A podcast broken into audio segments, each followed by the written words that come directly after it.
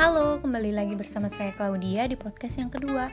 Nah, pada kesempatan kali ini saya akan membahas pertanyaan yang telah diberikan mengenai apa sih bentuk pelanggaran etika yang akan terjadi jika tidak ada kode etik yang membatasi praktek seorang psikolog. Nah, menurut saya akan ada pelanggaran mengenai yang pertama konfidensial dalam proses konseling di mana psikolog itu tidak dapat menjaga kerahasiaan data si klien. Nah, yang kedua akan terjadi dual relationship di mana Konselor memiliki relasi ganda. Relasi ganda yang dimaksud di sini yaitu di satu sisi, konselor akan menjadi seorang terapis dan di sisi lain akan menjadi teman dekat.